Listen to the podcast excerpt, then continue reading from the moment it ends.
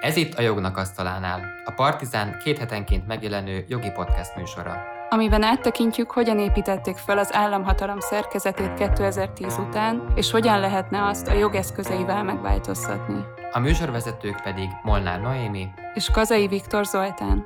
Ha tetszik az adás, akkor szállj be a Partizán műsorainak finanszírozásába a Patreon oldalon, valamint ne felejts el feliratkozni a Partizán YouTube csatornájára. Ne maradj le a Jognak Asztalánál egyetlen epizódjáról sem. Kövess minket Spotify-on és a Facebookon, ahol a műsorhoz kapcsolódó egyéb érdekes információkat is megosztunk.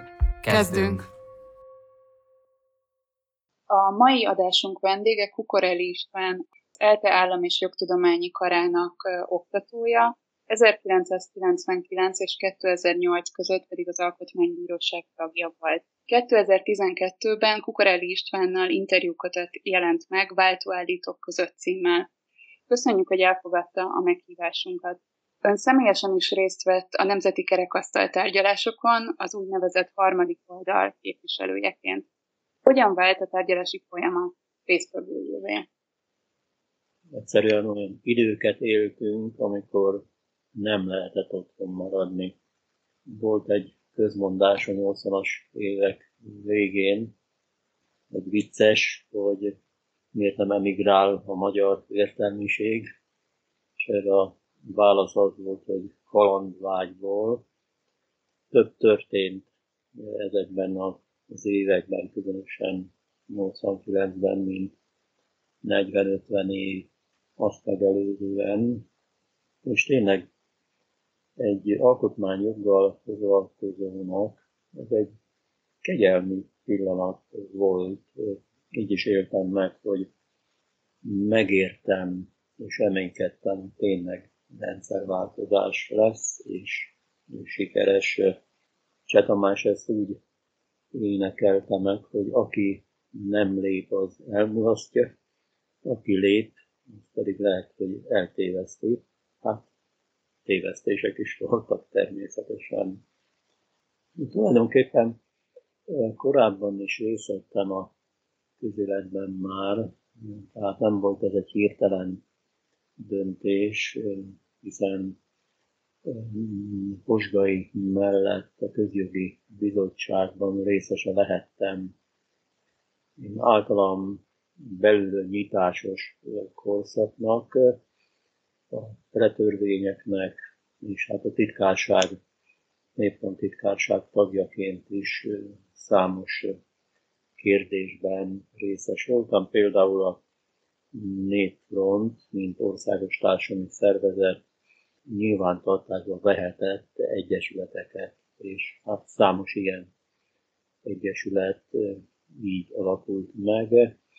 Nagycsaládosok országos egyesülete, a Noé Népfőiskolai Társaság, a Széchenyi Társaság, és még egy tucat.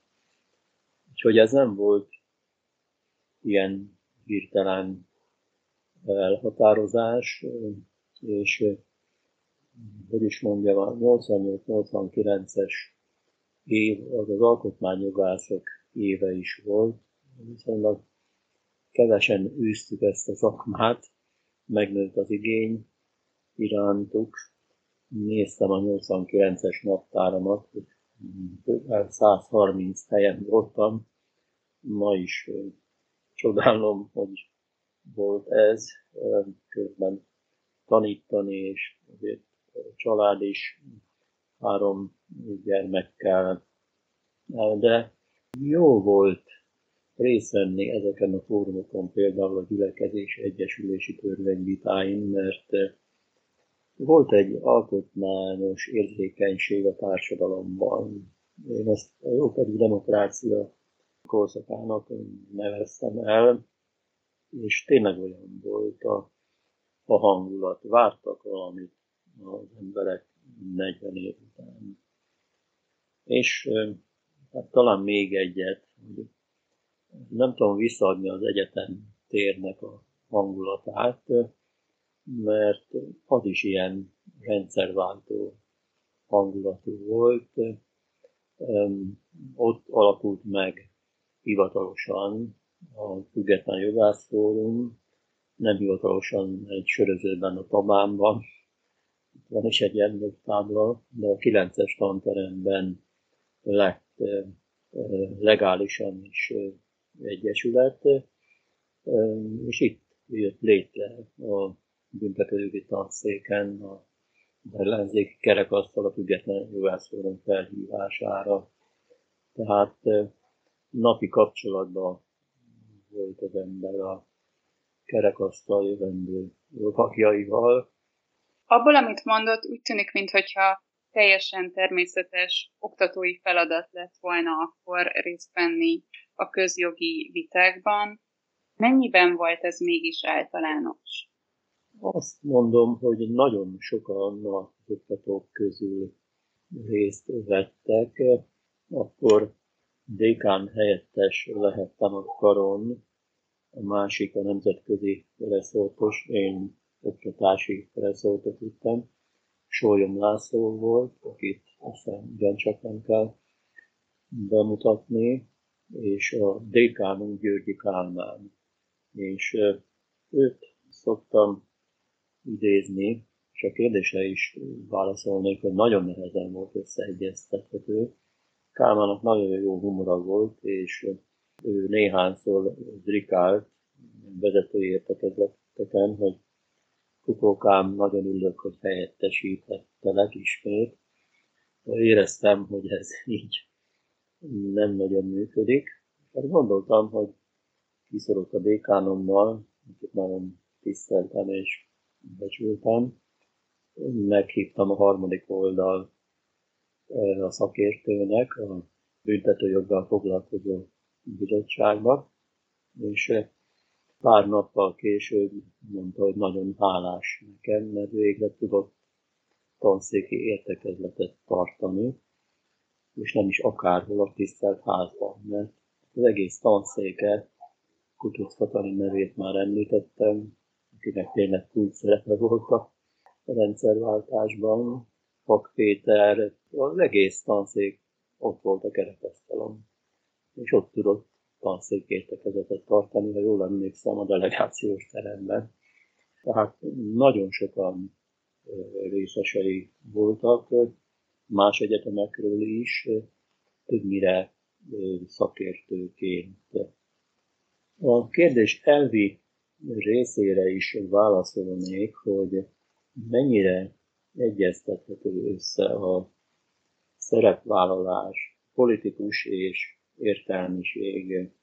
Nem könnyű válasz, meg kell mondjam, mert ezt megéltem, és nem éreztem jól magam a politikusi létben. Ha az interjú keretében szabad az értelmiség fogalmáról idézni szerzőket. Német Lászlót, illetve Csóri Sándor idézném röviden. Német László szerint a értelmiség első jellemzője az anyagi függetlenség, az egzisztenciális biztonság, második hogy, és ez nagyon lényeges, hogy rendelkezik önmaga felett, vagyis a szuverenitása. Az értelmiségi szuverenitása elveszett, itt szó szerint idézem, alig ha beszélhetünk értelmiségről. És még egy harmadikat is odaír, hogy egy kis beleszólási hajlam a közügyek vitelébe. Tehát ne hallgasson az értelmiség, az értelmiség felelőssége. A másik Csóri idézet, és nem véletlen, hogy Csóri Sándor, aki az MDF alapító atya volt, ő nem vállalt politikai szerepet, és többen az értelmiség közül, például Kis János, mások tudatosan nem vállaltak közületi szerepet. Csóri így határozta meg, idézem, az értelmiség egyik legfontosabb feladata, hogy csökkenteni kell a távolságot a felismert és a kimondott igazságok között. Hiszen az elhallgatott igazság hitelét veszti, a kimondottnak is. Félig kimondott igazság még nem igazság, az elhallgatástól megromlik a lélek. Most tessék ezt összehasonlítani a politikusi léttel. A politika más.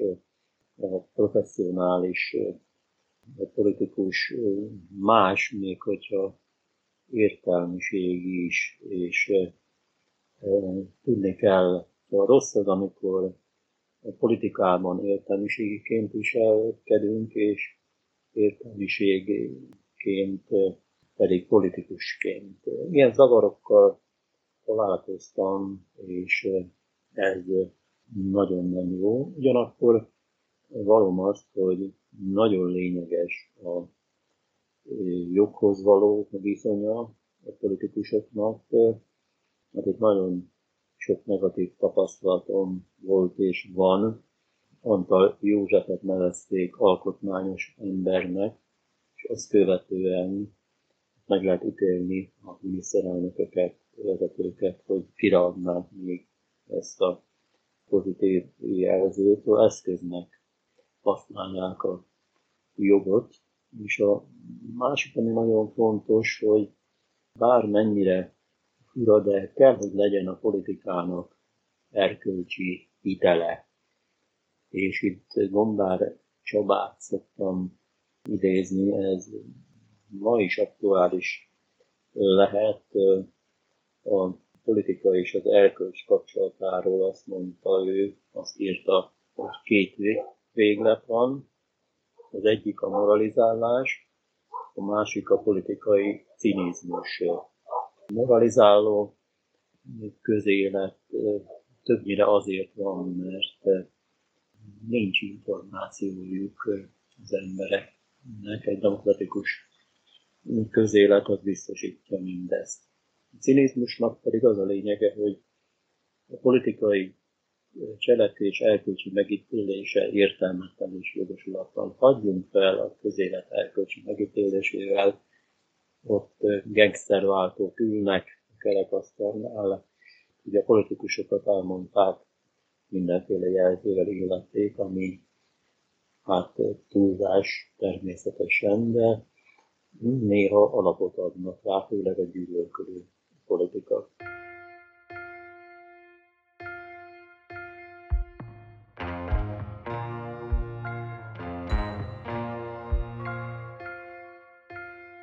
Térjünk rá a kerekasztal tárgyalások előzményeire, és azért tartom ezt nagyon fontosnak, hogy, hogy beszéljünk erről a, erről a kérdésről, mert a mi generációnk, akik már 89-90 után születtek, gyakran a, a rendszerváltás vagy rendszerváltoztatás, kinek hogy tetszik, folyamatát, azt alapvetően a nemzeti kerekasztal tárgyalásokkal azonosítják, de valójában, hogyha rátekintünk történetileg erre az egész folyamatra, akkor azt látjuk, hogy a, a szocialista rendszer megváltoztatására irányuló törekvések már évekkel korábban, mondhatjuk, hogy a 80-as évek közepétől azért már megkezdődtek. Mik voltak azok a legfontosabb gazdasági, társadalmi, politikai folyamatok ön szerint, amelyek végül is a pártállami vezetőket a, a reformok irányába terelték? Rájöttek nagyon sokan arra nemzetközileg, és a reform értelmiség köréből is, hogy 1917 óta tartó kísérlet a szocializmussal, kommunizmussal, ez megbukott. A Független Jogász Fórum felhívása tartalmazza is ezt, és azt is, hogy erre rájöttek a rendszeren belül a reform gondolkodók. Valóban kimerítette a reformálhatóságát, mindaz, amire épült az egypártrendszer, a társadalmi tulajdon, a tervgazdáskodás. Válság volt minden szempontból. Ugyanakkor a rendszer régi vezetői pedig megmerevettek. Kádár 85-ben még azt mondja a kongresszuson, hogy nincs válság. No, hát innen kezdődik aztán a Kádár eltávolítása is, és ehhez hozzátenném, hogy nagyon erős volt a rendszer belső reformkapacitása Magyarországon, de több más szomszédos államban, így a Visegrádi négyekben mindenképp, és a nagy medve, most nehéz ezt kimondani a mai helyzetben, a Szovjetunióban is érződött a nyitás szele Gorbacsovra utalnék, izlelgettük a peresztrojka és a hasonló kifejezéseket, és nem nagyon lehetett tudni, hogy a nagyhatalmak miben állapodtak meg, ugye Jálta és Málta, de érezni lehetett, és én például a Pozsgaitól hallottam, amikor Gorbacsovval találkozott, utána tájékoztatta a titkárságot, hogy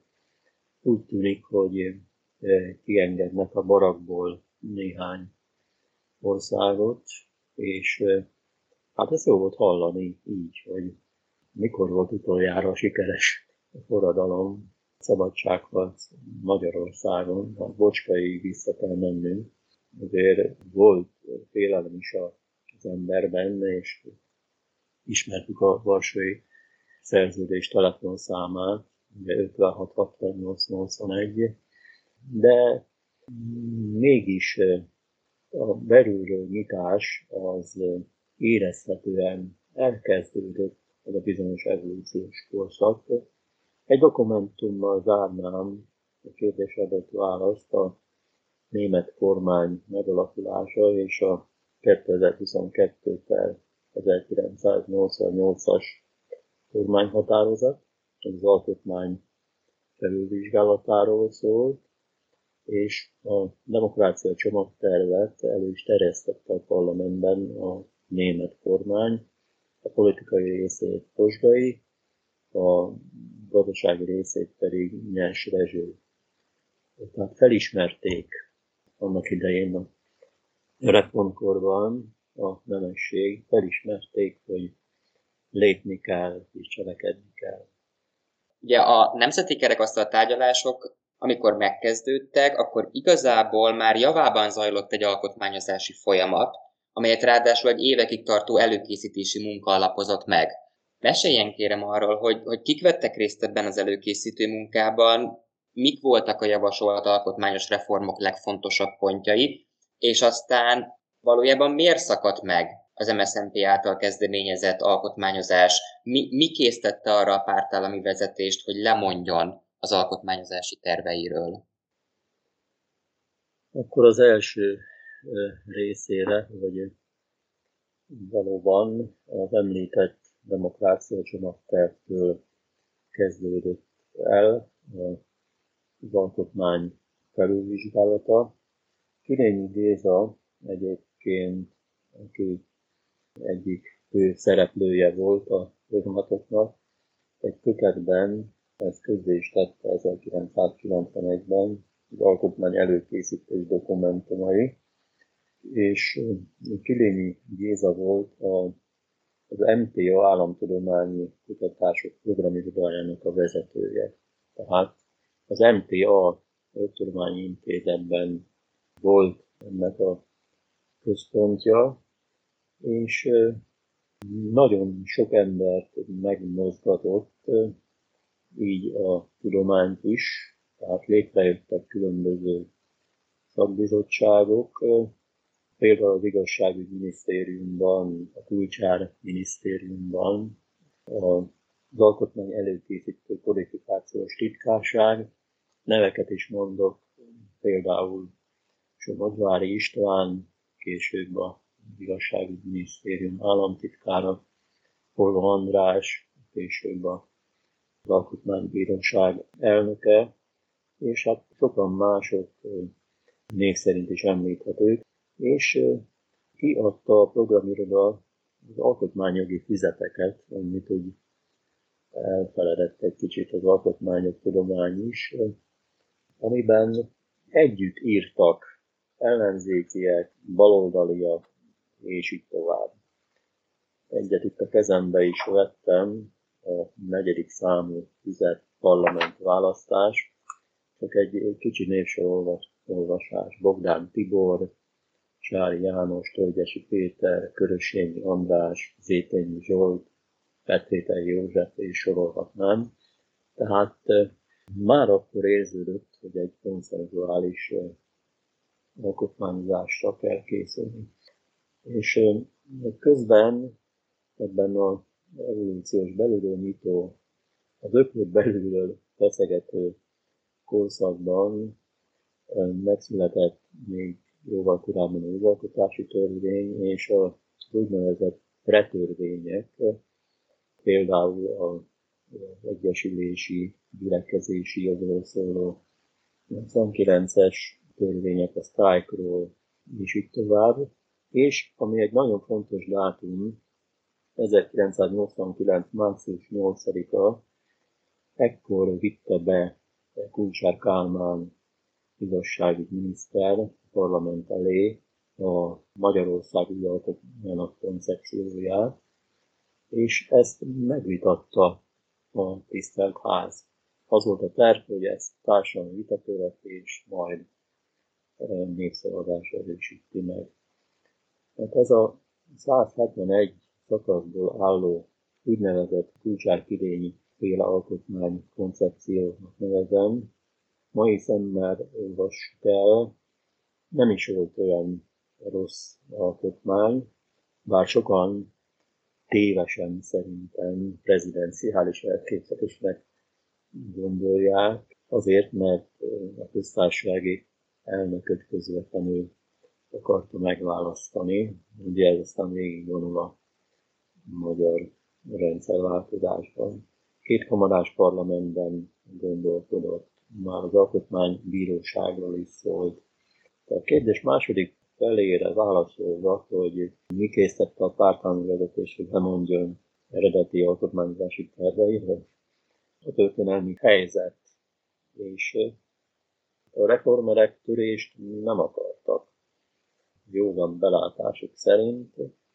Ez a forradalmi korszaka a rendszerváltozásnak, ez a revolúciós korszak, ez 89. március 15-én kezdődött, a független zászlóvonyi felhívásával és a ZEKA megalakulásával, és egy nagyon fontos dokumentum a folyamatban a ellenzék kerekasztal március 30-án közzétett nyilatkozata, amely azt mondta, hogy az alkotmányozás jelenlegi menetét nem tudja elfogadni, és az utolsó rendi országgyűlést pedig nem tartja alkotmányozó hatalomnak, majd az új parlament oldjon meg minden, csak az átmenet szabályaiban állapodjunk meg. És ekkor kezdődtek a tárgyalások, kétoldalú tárgyalások a ECA delegációi és a pártalami delegációk között. Ezekről nagyon keveset lehet tudni valóságban. Jegyzőkönyvek is hát azt hiszem hiányosabbak, mint amit szóban meséltek. Például a FEKA részéről Solyom László és Túlgyesi Péter vett részt gyakran a tárgyalásokon, és hát velük jó emberi baráti viszonyban, sőt, hát munkakapcsolatban lévén rendszeres kapcsolatban lehettem. Láttam néha vörösödni a fejüket is, hogy mi történhetett, mert nem mindig Posgaival tárgyaltak, sőt, tárgyaló delegáció egyik meghatározó alakja az MSZMP-n belül Fejti György volt, aki közismert, hogy nem volt militáns híve a az alkotmányos rendszerváltozásnak, és hát ahol lehetett szalámizott és taktikázott. De még egyszer mondom, hogy józan belátással a reformerek és a német kormány elfogadta ezt, hogy akkor állapodjunk meg, és hát lassan el is érünk június 10-éig.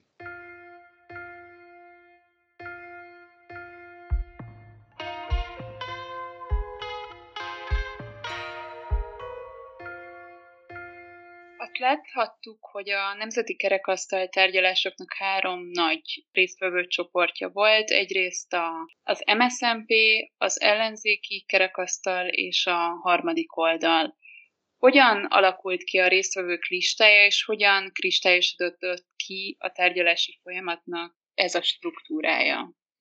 Említettem ezt a kétoldalú tárgyalásokat, ott mindegyik fél engedett, például az ellenzék engedett abban, hogy harmadik oldal is üljön oda, az állampárt engedett, hogy a kormány tárgyaljon, ami szerintem súlyos hiba volt.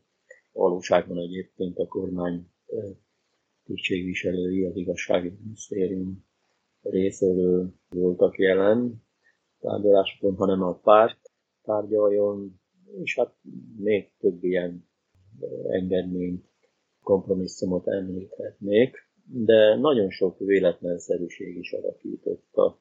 A 89. június 10-i megállapodás és az első ilyen nyilvános szándéknyilatkozat tétel, az felsorolja a résztvevő szervezeteket.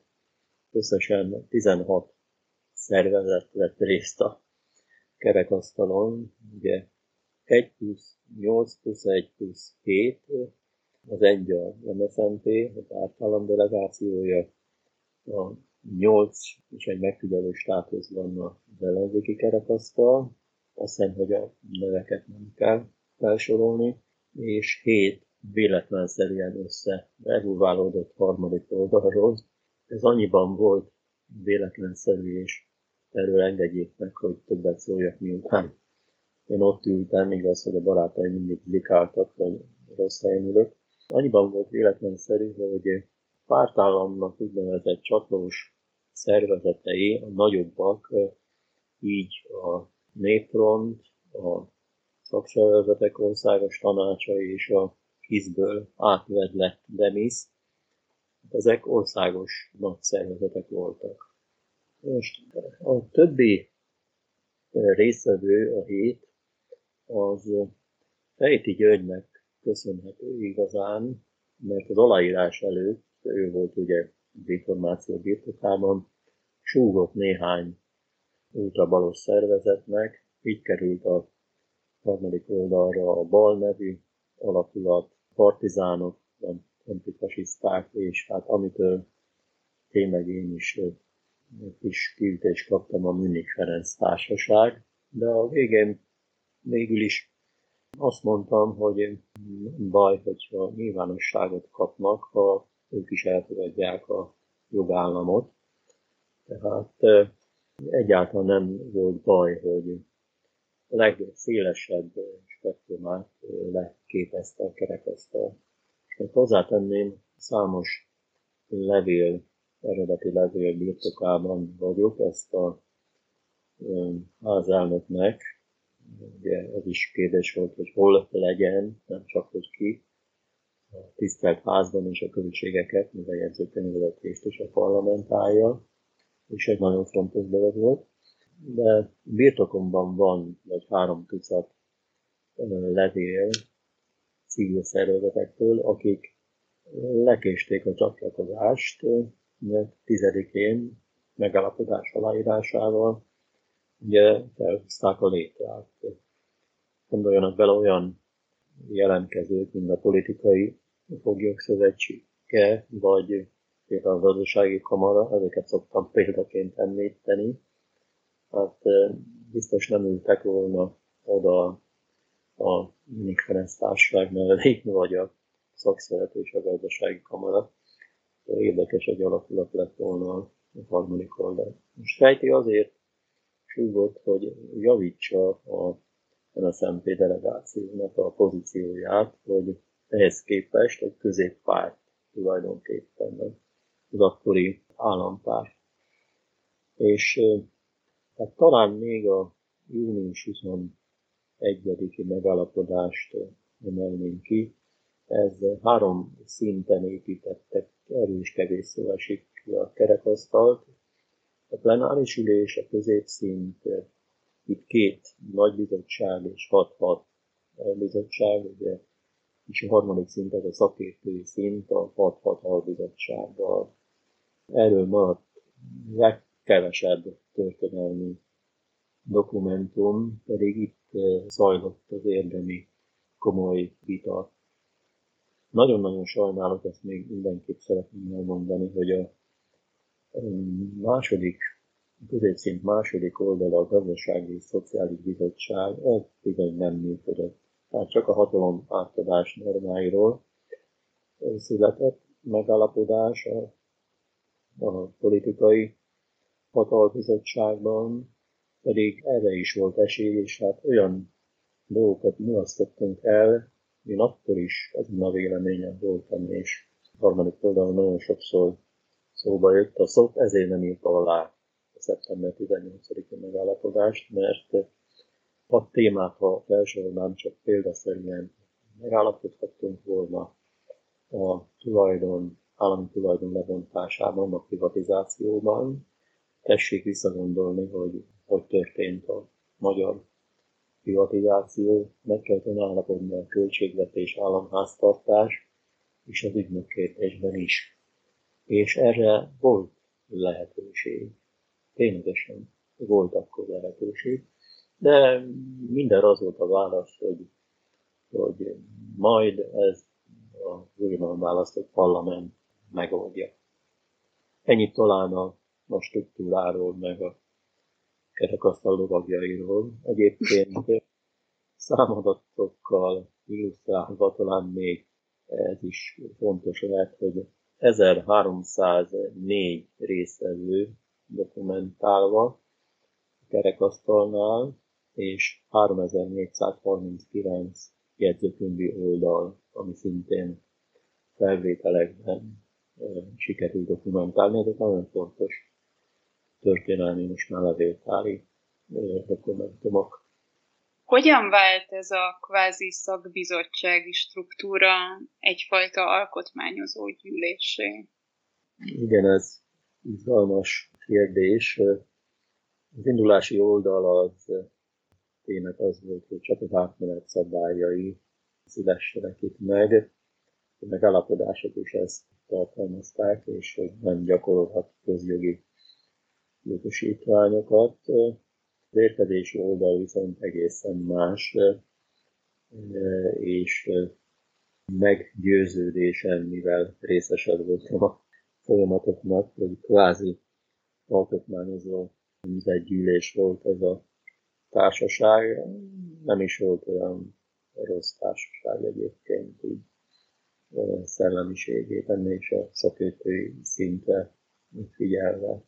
És ezt azzal igazolnám, hogy ezt sem hangsúlyozzák szívesen, főleg az utóbbi évtizedekben, hogy tárgyalási alapként fogadtuk el a korábbi alkotmányozás dokumentumait. Tehát léteztek szövegek, alkotmányszöveg, utaltam a kulcsárféle alkotmánya, például az első ilyen megalapodás, hogy ez a kulcsárféle alkotmány szöveg, ez két vonalás parlamentet képzelt el. Rögtön a kerekasztal már is kigyomlálta, hogy egy vonalás parlament lesz, de tárgyalási alap ez a szöveg volt, és mondatról mondatra világítottuk át ezeket a törvényeket, magát az alkotmány szövegét is, ahogy haladt előre a kerekasztal szakértői bizottságokon és a középszinten is. Tehát kerekasztal lovagjai írták az alkotmány és a törvények, rendszerváltó törvények szövegét. Még egy dolgot hozzátennék, hogy a sikeres alkotmányos rendszerváltozásnak a feltételeit kutatjuk, akkor azon túl, hogy erős volt a rendszer belső kapacitása, nagyon lényeges volt az ellenzék egységének a megteremtése, ami egy valóságos csoda, és tulajdonképpen március 12-től szeptember 18-áig tart, aztán felrobban az ellenzék egysége, de tudott egy pressziót gyakorolni az állampártra, és így jóval kevesebb eltelen kompromisszum született. És hát a harmadik dolgot, hogy nagyon szerencsés volt a nemzetközi helyzet. Senki nem fogta a lovagok kezét, a ceruzát, a tollat, Tehát bármilyen mintát lehetett követni, és többnyire németül tudtak a lovagok, bár néhányan már beszéltek angolul is, meg hát sokan oroszul, de tényleg ez egy kivételes történelmi helyzet, még akkor is, hogyha nagyhatalmak azért élénk érdeklődéssel megfigyelték a folyamatot, különösen aktív volt Palmer úr, amerikai nagykövet, és Stukalin elvtárs, a Szovjetunió nagykövete, volt szerencsém mind a kettővel találkozni. Palmer úr ilyen jenki büszkeséggel adott egy csomag amerikai alkotmányt, erre mi is megajándékoztuk arangullával, meg egyéb dolgokkal, egy kicsivel régebbi magyar alkotmány. Stukalin meg jó néhány érezhető KGB-ssel jelezte, hogy azért óvatosan haladjunk, mert még itt nem dőltek el kérdések. Na, ez csak ilyen hangulat festés kedvéért meséltem el, de tényleg senki nem mondta, hogy milyen alkotmányt írjunk, milyen választási törvényt, sorolhatnám a többi rendszerváltó törvényt is. Jól értem, hogy az, hogy ilyen rövid időn belül sikeresen lezárultak a tárgyalások, annak volt köszönhető, hogy a tárgyaló felek szabadságot élveztek, és alkothattak? Hát azért macerásabb volt ez, most nem ilyen zöggenőmentes és gyors eredmény. Volt a kerekasztalon belül egy informális kerekasztal is, erről talán a elején idézett könyvben kevesebbet szóltam, de életem nagy élménye, hogy a harmadik oldal rendszeresen találkozhattam a másik két fél meghatározó embereivel, így Antal Józsettel és Kozsga Imrével hármasban is gyakran találkoztunk. Hát sajnos ők már fentről igazolhatják ezt vissza, és Antal József szokta mondani, akit nagyon tiszteltem, és tényleg alkotmányos ember volt, hogy fogjuk vissza a saját hülyéinket, szó szerint idézet, és egyáltalán nem igaz, hogy lett volna egy antalkosgai faktum, de kölcsönösen tisztelték egymást, és hát ezért is fura a 89-es későbbi népszavazás, és ez az informális kerekasztal, ahol néha mások is részt vettek, például Pető Iván, vagy Boros Imre, sajnos már ő sem él. Ez mindent megtett azért, hogy gyorsuljon a folyamat. Másik példát mondok, hogy dekások, Kutusz Kati megkeresett, hogy szóljatok már Posgainak, hogy jöjjön haza a szabadságról. Fejti az mindent megtett, hogy ne folytatódjanak a tárgyalások, és valóban jeleztük is, hogy most már a társadalom olyan újságcikket tömege jelent meg, hogy mi történik a Bermuda háromszögben, és így tovább. Tehát negatívan is, hogy lesz ennek valami hozadéka, meg eredménye. Hát tényleg várta a folyamat végét a szélesebb politikai nyilvánosság, nagyon nagy teret kapott a sajtóban minden, annak ellenére, hogy ugye a nyilvános része csak a plenáris ülés volt, a középszint és a szakbizottságok azt nem tudta a nyilvánosság, hogy mi történik. És augusztus 20-a után gyorsultak fel igazán a folyamatok, akkor tényleg egy óriási gyorsulás volt. Néhány ilyen középszintű bizottságot vezethettem, és szóval ló halálában haladtunk, és fogadta el a kerekasztal a törvény szövegeket.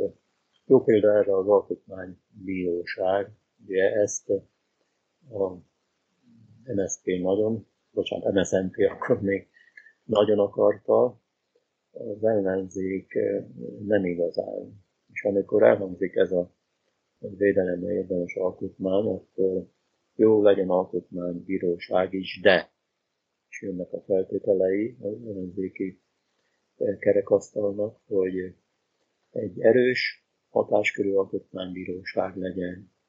Az első alkotmánybíró paritásos alapon, két állampárti, két ellenzéki és független.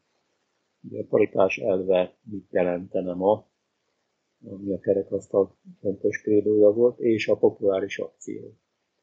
És nagy vita volt a harmadik oldalon is, de szentén belül is, de ráborintottak, és egy hétvégén megszületett a korábbi alkotmánybírósági törvény alapján a 89. évi 32-es, ugye az első albi törvény.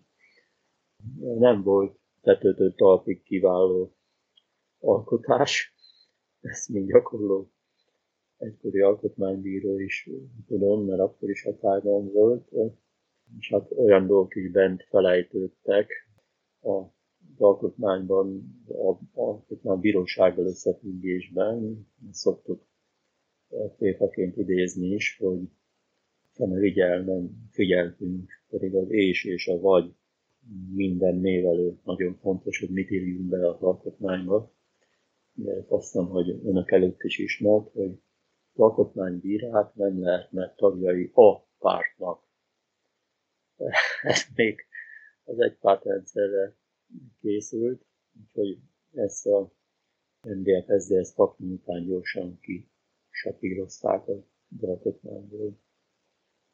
De tényleg óriási eredmény, hogy szeptember 18-án alá lehetett írni a rendszerváltozásnak egy fontos megállapodását, és hat törvény szöveget mellékelt hozzá a kerekasztal, 31-es maga rendszerváltoztató alkotmány, inkább ezt a változtatást szeretem.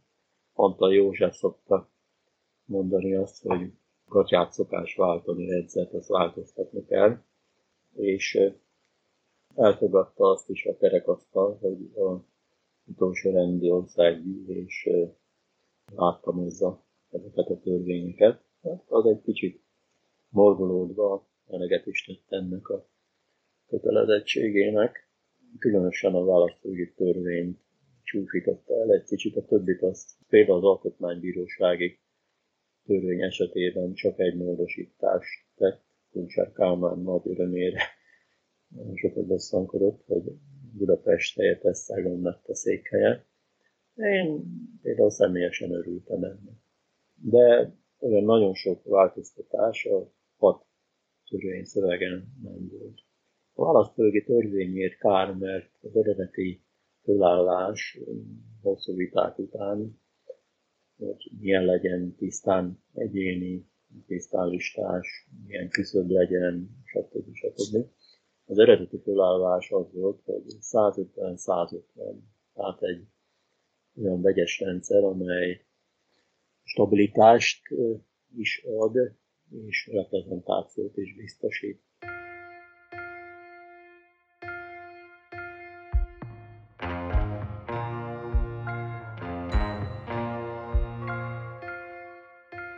Ugye az alkotmányozási folyamatokat a szakirodalomban gyakran szokás egyfajta alkufolyamatként leírni, és ennek megfelelően ugye a megszületett alkotmányt vagy alkotmánymódosítást is egyfajta kompromisszumként tekinteni. Ön már utalt erre a korábbi válaszaiban, de talán megéri egy külön kérdést is szentelni ennek, hogy a kerekasztal tárgyalásoknak mik voltak azok a kérdései, amelyekben kifejezetten nehéz volt egyességre jutni, maradtak-e olyan kérdések, amelyekben nem sikerült megegyezést elérni, és hogyha nem sikerült megegyezést elérni, akkor mégis ezek a függőben maradt kérdések hogyan rendeződtek később?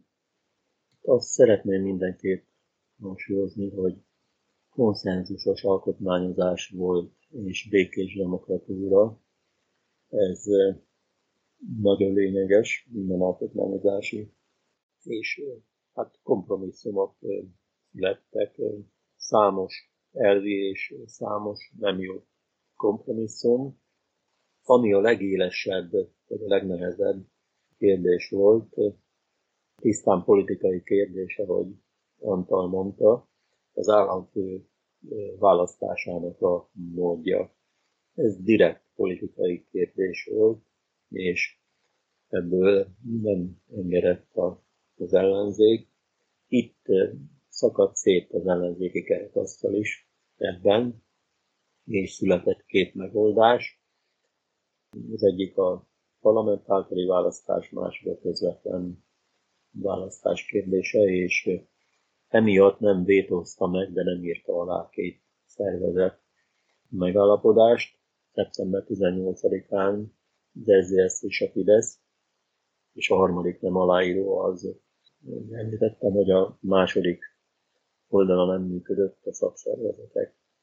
És valahogy, amikor így elromlott a hangulat a kerekasztalnál, én is azt éreztem, hogy személy szerint mondom a megélt történelmet, hogy én se látom el a macska a szeptember 18-i oldalt. Ezt talán önöknek úgy tűnik, hogy ez álmatlan éjszakákat okozott, hogy, hogy a csodába jutottunk idáig, hogy felrobbant a kerekasztal, és elkezdődött valami más, amit már úgy nagyon nem tetszett, és még azon is gondolkodott az ember, hogy feláll kerekasztaltól.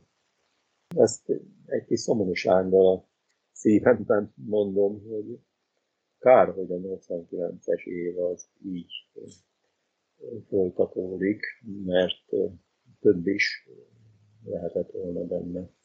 A kerekasztal tárgyalások eredményeként megszületett egyességgel és ugye annak a törvény beiktatásával ugye gyakorlatilag még nem zárult le a közögi átalakulás folyamata. Van egy nagyon fontos pillanata még az átalakulásnak, ez az novemberi népszavazás. Mi volt ennek a, a novemberi népszavazásnak a tétje, vagy, a, vagy az alkotmányos jelentősége? Hát azt hiszem, ezt a kérdést megúszom, mert itt kezdettől fogva nagyon kritikus a véleményem. Sokan ezt a néprészvétel jó példájának tartják az alkotmányozásban. Nem egészen így éltem meg, és alkotmányosan nem is tudom értékelni a népszavazást. Ha működött volna az alkotmánybíróság, ez egy történelmi visszavetítés, kapásból elutasította volna ezt a népszavazási kezdeményezést, de később született több alkotmánybírósági határozat, többek között kimondta, hogy itt nem a módról szavaztunk, a polgárok megtévesztésére is alkalmas volt, ez, hanem az időről. Hát a négyigenes népszavazás, ugye társították az igazi hatalmi kérdést a közvetlen közvetlenül, társították olyan hordozó rakétákkal, mint a munkásőség feloszlatása a pártokon, olyan, aki közben szónapokkal korábban megtörtént. Tehát idejét múlt kérdésekről szavaztak a népek, és ez a népszavazás ez behozta a gyűlölködést a politikába, kommunistázást és sok mindent. Igazából egy személyre ment ki a játék, mondjuk kinyíltan. Posgai születésnapjára tűzték ki ráadásul, november 26-án a népszavazást, hogy ne Posgai legyen köztársasági elnök, és hát maga az eredmény is olyan volt, hogy utolsó pillanatban, már-már a lezárás pillanatában villent át a mérleg, a főváros és a vezérvármegye jó voltából leszavazta az országot. 6101 volt a különbség a igenek és a nemek között, 58%-os részvétel mellett, és hát még magyarázza az eredmény, hogy az MDF elkövetett egy szerintem pártól hát, alkotmányosan egyáltalán nem várható hibát, hogy felszólította a tagjait, hogy nem megyünk el, nem szaladunk. Szegény Csengei Dénes barátomat állították ki, szóval így nem viselkedhet egy párt népszavazáson. Most törvényességi gondjaim is vannak, ha ilyen, a, ilyen szoros az eredmény, újra kellett volna számolni, főleg az esti beszállító szavazatokat. Sajnos történelmi dokumentumok elvesztek, és nagy a hallgatás ezzel összefüggésben. De még egyszer mondom, akkor is ez volt a véleményem, és az Országos Választási Elnökség titkára lehettem, a népszavazás kezdetén megfontolásból is lemondtam erről a tisztségemből. Kevés tisztséget tettem meg, de ehhez nem akartam résztvevő lenni. És kis elemét hadd idéznem, 1989-es évvel kapcsolatban. 1989 végére elvesztettük a győzelmes forradalmak boldog ártatlanságát.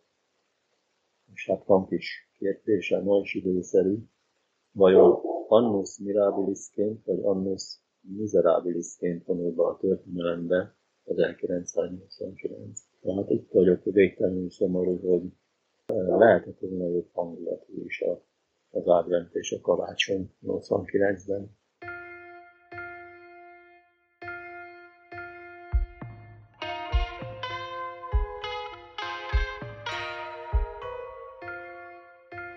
minden hibája ellenére azért azt mondhatjuk, hogy annyiban azért a rendszerváltozás az sikeres volt, hogy bekövetkezett a rendszer gyökeres, de mégis békés változása.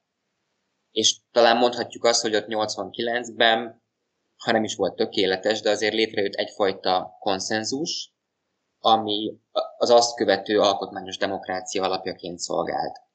Viszont ez a konszenzus vagy közmegegyezés, ez úgy néz ki, hogy 2010 után eléggé meggyengült.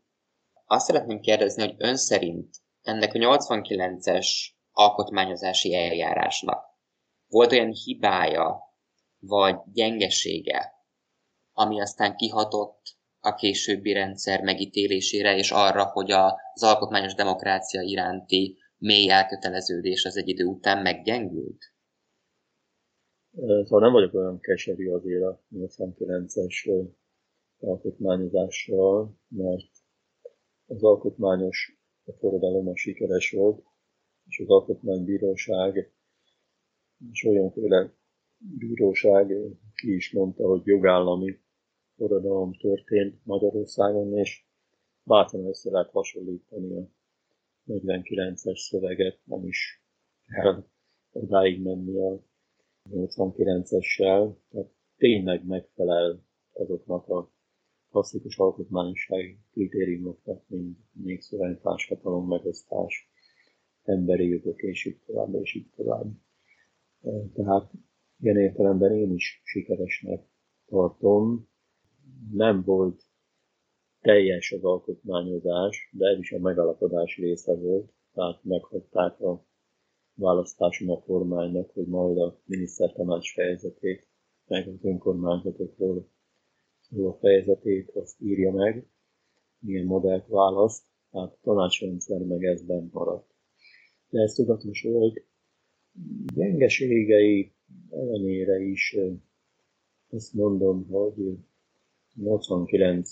október 23-án kihirdetett ünnepi számra büszkék lehetünk, mert ez tényleg nem volt sikertelen, gyengeségekről sem szeretnék hallgatni. Ilyen volt a kétharmados szabályok széles köre.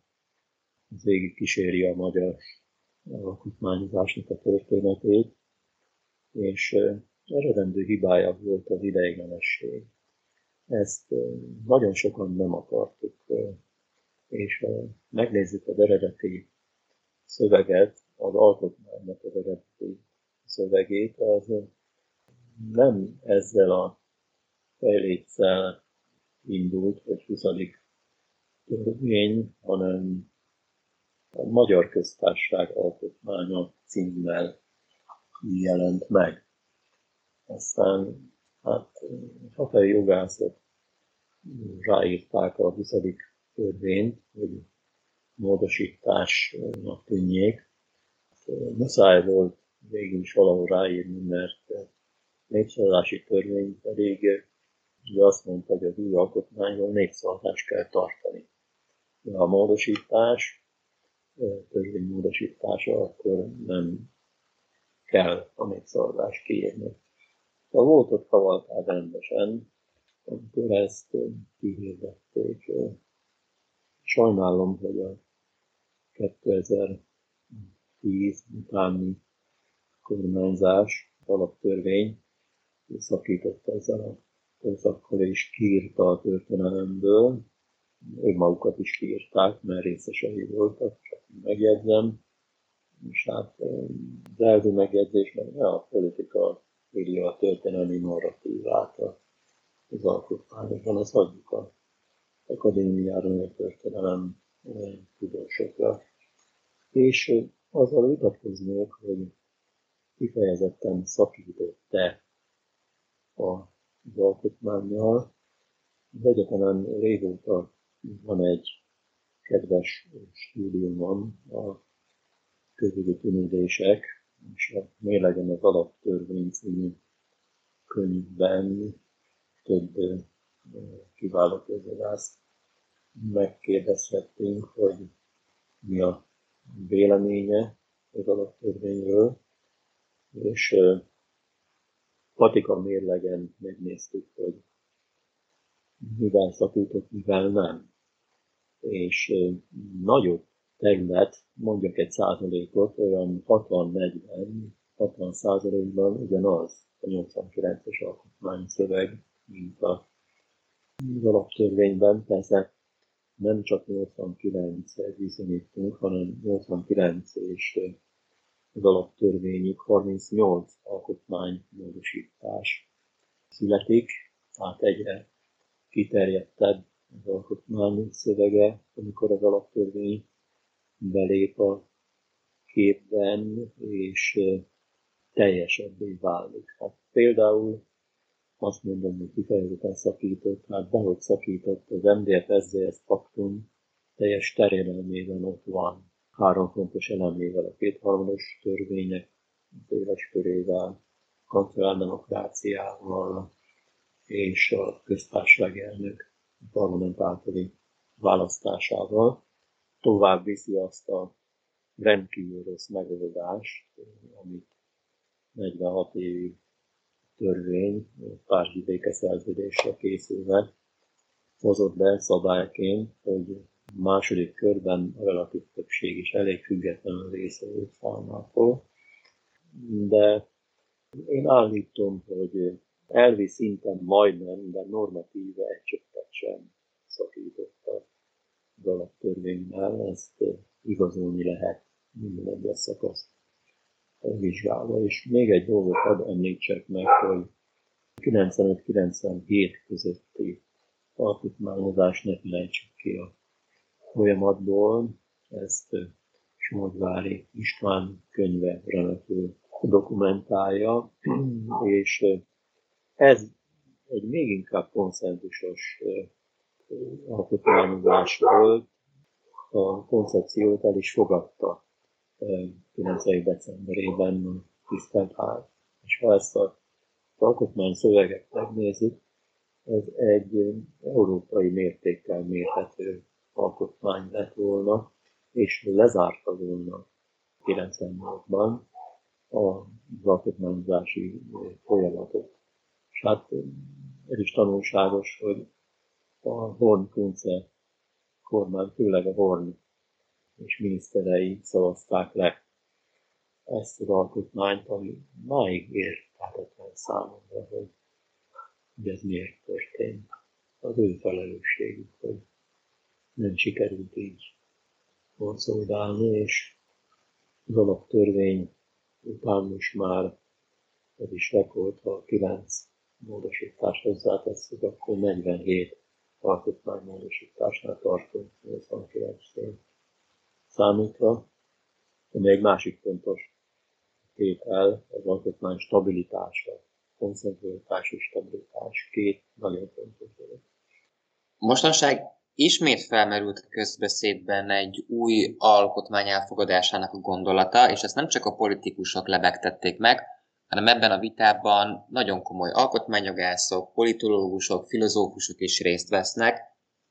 Természetesen nem tudjuk megjósolni a jövőt, de hogyha valóban elkezdődne egy alkotmányozási folyamat a közeljövőben, akkor ön milyen tanácsot adna azoknak, akik szervezik ezt az egész folyamatot, és azoknak, akik részt vesznek ebben az alkotmányozási folyamatban? Figyelem, de kísérem ezt a vitát. Jakab András remetül foglalta össze. Van egy nagy aktám a hozzászólásokból, hát sok szamásság elhangzik benne, és nagyon sok komoly jó vélemény, amiért csöndben maradtunk jó néhányan, az az, hogy az alkotmányozás az nem lehet kampánytéma.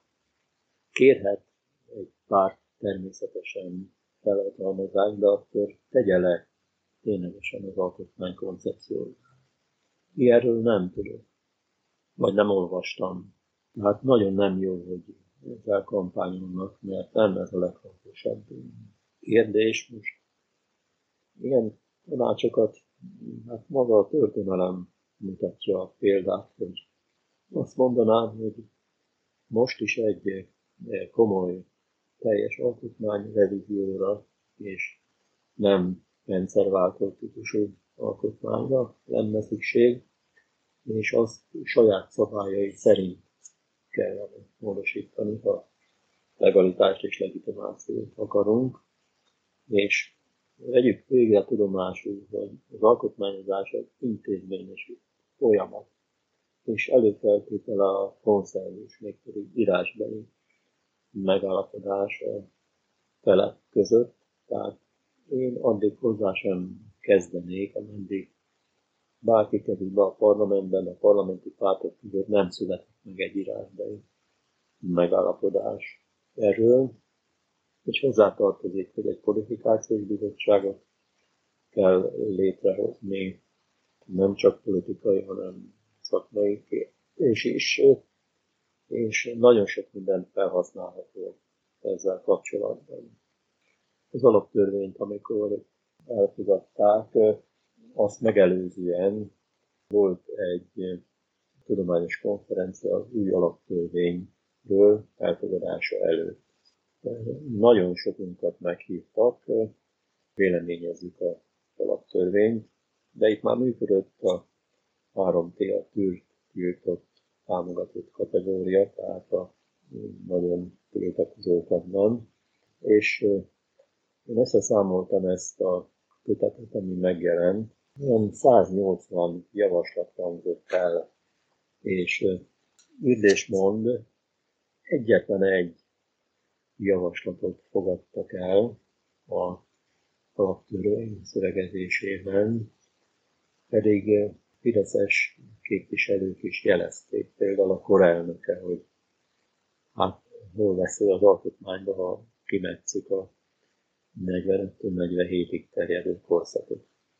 Szóval egyetlen dolgot fogadtak el, a Horváth Attila jelezte, az eredeti szövegben még ott volt a himnusz kottája, hogy hát ha jól látja, le is játszotta, hogy ez a verbókos változat, ezt azért nem kéne betenni az alkotmányba, miközben nagyon örültünk, hogy hát a nemzeti jelképek és szimbólumok azok gazdagodtak az alaptörvényben. Tehát nem volt fogékony arra, hogy szakmai kérdés is az alkotmány, tehát konszenzus deficit, meg szakmai értelemben is a politikailag jobban dominált szöveg született, és kevésbé felel meg valami gyakorlatból is.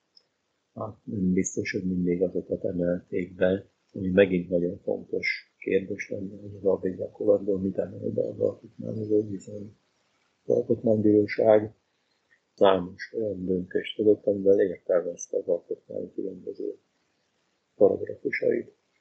És hát még egyet tanácsolnék, az alkotmány az jogi dokumentum, jogszabály, és a kodifikációs igényesség nagyon is elvárható, tehát ezért kéne egy kodifikációs bizottság az alaptörvényről, és arra hívnánk fel a figyelmünket, ezt alkotmánybíróként sokat meditáltam ezen, hogy Jézus Márián miket írtunk be az alaptörvénybe, bocsánat, ha az alkotmányba, 89-ben azt követően, szóval nagyon nagy felelősség, hogy minden mondatot át kell gondolni, mert annak magasabb értéke van, ehhez kell, hogy igazodjék az egész jogrendszer, az alkotmány, bíráskodás. Ezek lennének a tanácsaim, ha megkérdeznének, hogy intézményesíteni kell, konszenzusokra lenni, szakmai kérdést átgondolni és a kvalifikációs igényesség. Ha ez összeállna, most lehet, hogy naívnak tartana, akkor lehet, hogy egészen jó kis alkotmány revízió lehetne Magyarországon, és béke.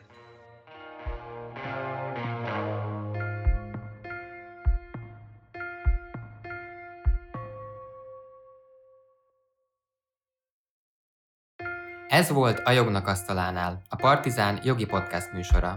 Ha tetszett az adás, akkor szállj be a Partizán műsorainak finanszírozásába a Patreon oldalon, valamint ne felejts el feliratkozni a Partizán YouTube csatornájára. Ne maradj le a jognak asztalánál egyetlen epizódjáról sem. Kövess minket Spotify-on és a Facebookon, ahol a műsorhoz kapcsolódó egyéb érdekes információkat is megosztunk. Várunk vissza két hét múlva egy újabb epizóddal.